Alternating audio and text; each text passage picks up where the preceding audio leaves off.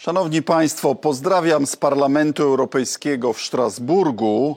Wiadomość z ostatniej chwili parlament przegłosował nowe przepisy wspierające legalną migrację zarobkową.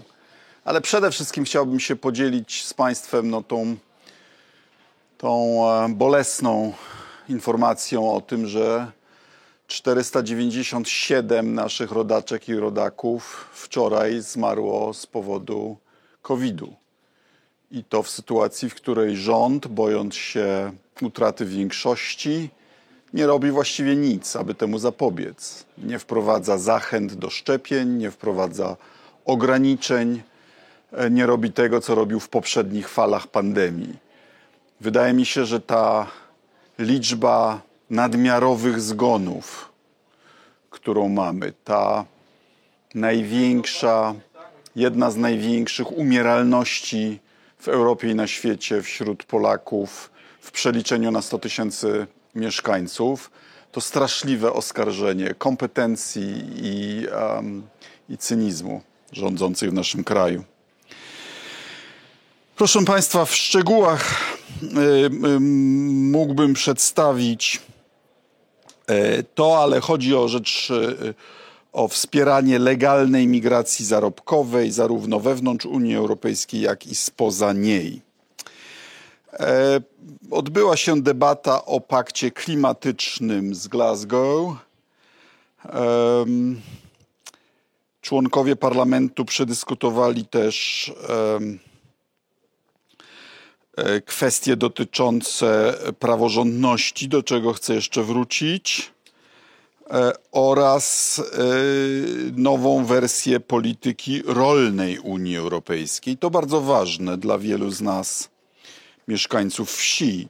Mianowicie 10% płatności bezpośrednich e, będzie dla małych i średnich gospodarstw rolnych, będzie stała rezerwa kryzysowa na przypadki niestabilności cen i rynków, będą kary za naruszenie przepisów prawa pracy.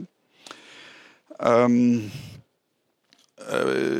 celem, za który będą premie, będzie także bioróżnorodność y, i zgodność z przepisami środowiskowo-klimatycznymi, a Komisja Europejska oceni, czy y, krajowe plany strategiczne wspólnej polityki rolnej są zgodne z tymi zobowiązaniami. Rolników będziemy zachęcać do praktyk korzystnych dla klimatu i środowiska, na co pójdzie 35% budżetu na rozwój obszarów e, wiejskich oraz co najmniej 25% e, płatności bezpośrednich będzie przeznaczone na działania środowiskowo-klimatyczne.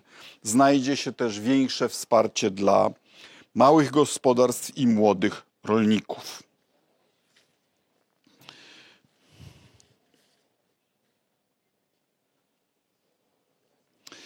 No i wreszcie y, kwestia y, praworządności. To się pojawiło zarówno w debacie, jak i w różnych przeciekach e, prasowych. Y, Jeden ze wpływowych tygodników uważa, że listy Komisji Europejskiej do e, Polski i Węgier oraz czas, jaki jeszcze pozostał do końca roku, oznaczają, że jest już bardzo mało prawdopodobne, aby zaliczki zostały Węgrom i Polsce wypłacone. To byłaby fatalna wiadomość dla nas na kilku poziomach. Po pierwsze, te dwadzieścia parę miliardów euro, gdyby było wypłacone w grudniu, oznaczałoby zamianę tych euro na złotówki, co pomogłoby kursowi złotówki, a więc ograniczyłoby dewaluację w Polsce, a więc y, y, ograniczyłoby y, presję inflacyjną, ograniczyłoby drożyznę, w szczególności oczywiście jeśli chodzi o y, dobra importowane, ale to jest na przykład ropa naftowa i gaz, a więc y, wpływ na ceny energii i na cały łańcuch y, dostaw. To jest y, także wynik złamanych obietnic. Przypomnę, że już prezes, sam prezes Kaczyński już w sierpniu obiecywał, że Izba Dyscyplinarna Sądu Najwyższego będzie zlikwidowana. Mówił to także premier Morawiecki. Powiedział to tu na tej sali miesiąc temu w odpowiedzi na moje zapytanie. Nie było tego w jego przemówieniu prowokacyjnym.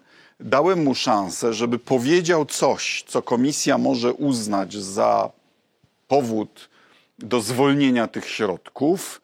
Powiedział to, o czym do dzisiaj nie wykonał. A czasu już prawie nie ma, bo żeby do, przelew mógł być wykonany, potrzebne jest uzgodnienie planu odbudowy z komisją, podpisanie umowy z komisją, opinia komisji o tym planie wobec Rady i jednogłośna decyzja Rady. To wszystko trochę czasu zajmuje. Więc um, będzie to fatalna porażka, a wszystko dlatego, że minister Ziobro chce pod but brać polskich sędziów.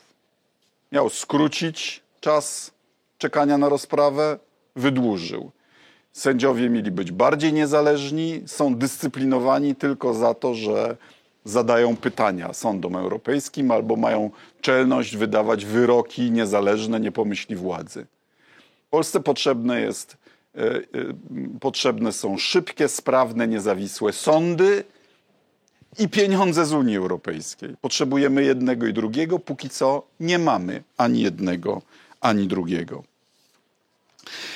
Wielkim wydarzeniem była, e, było przemówienie Swietłany Cichanowskiej. To może jest jakieś, jakieś pocieszenie, że niektórzy mają gorzej od nas, że niektórzy muszą w ogóle walczyć o wolność i o niezależność, tak jak my kiedyś walczyliśmy. Unia Europejska ich w tym wspiera, bo nie tylko działa wbrew polskiemu rządowi, który nie chciał o tę pomoc się zwrócić, E, przyczynia się do rozwiązania e, e, kryzysu uchodźczego, ale także nakłada zarówno osobiste mm, sankcje na Łukaszenkę i, i jego siepaczy, ale także na niektóre białoruskie przedsiębiorstwa.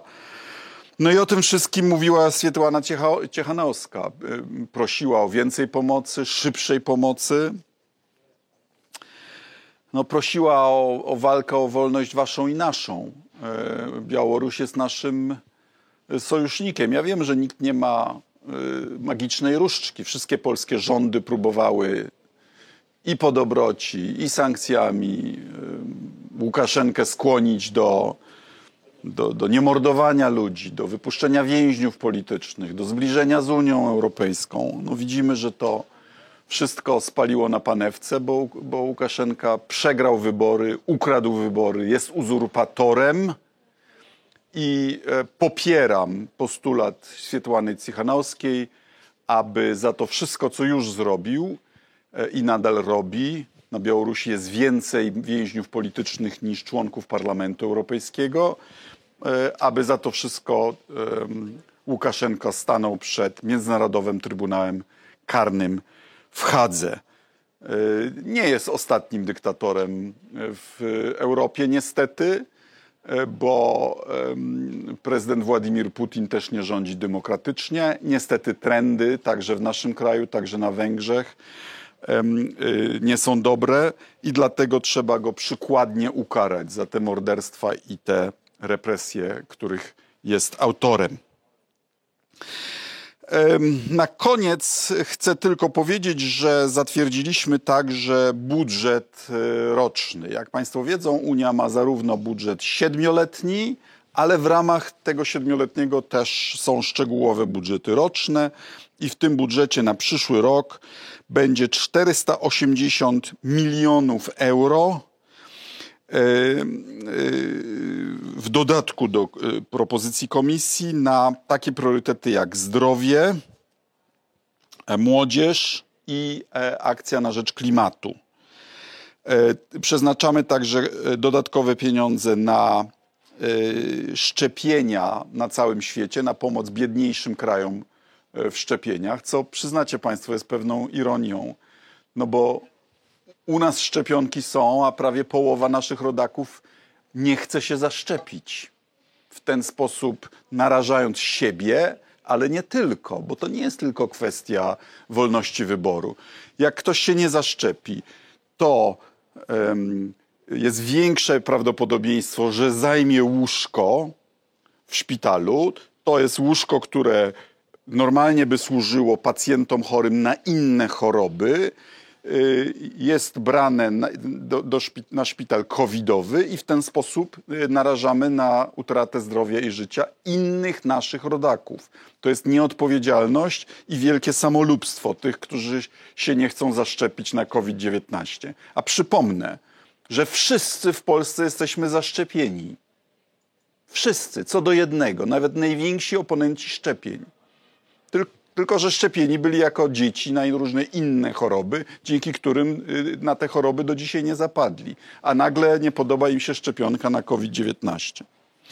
Ale wracając do budżetu, e, to, e, to jest największy roczny budżet w historii. W sumie 169,5 miliarda euro oraz 143,5 miliarda euro na fundusz e, odbudowy. E, Unia działa. Mam nadzieję, że polski rząd zamknie ten front walki z Unią. Tutaj premier Morawiecki ma rację, że sytuacja geopolityczna, to ta koncentracja wojsk wokół Ukrainy, ta większa agresywność e, e, polityki Rosji e, oznacza, że powinniśmy konsolidować nasze sojusze, że zamiast wadzić się z Unią, powinniśmy razem z Unią, jako wpływowy członek Unii Europejskiej, moderować politykę całej Unii wobec Wschodu. Taka kiedyś była rola Polski i taka może być kiedyś ponownie. Tyle ode mnie ze Strasburga. Dziękuję bardzo za uwagę. Do następnej sesji.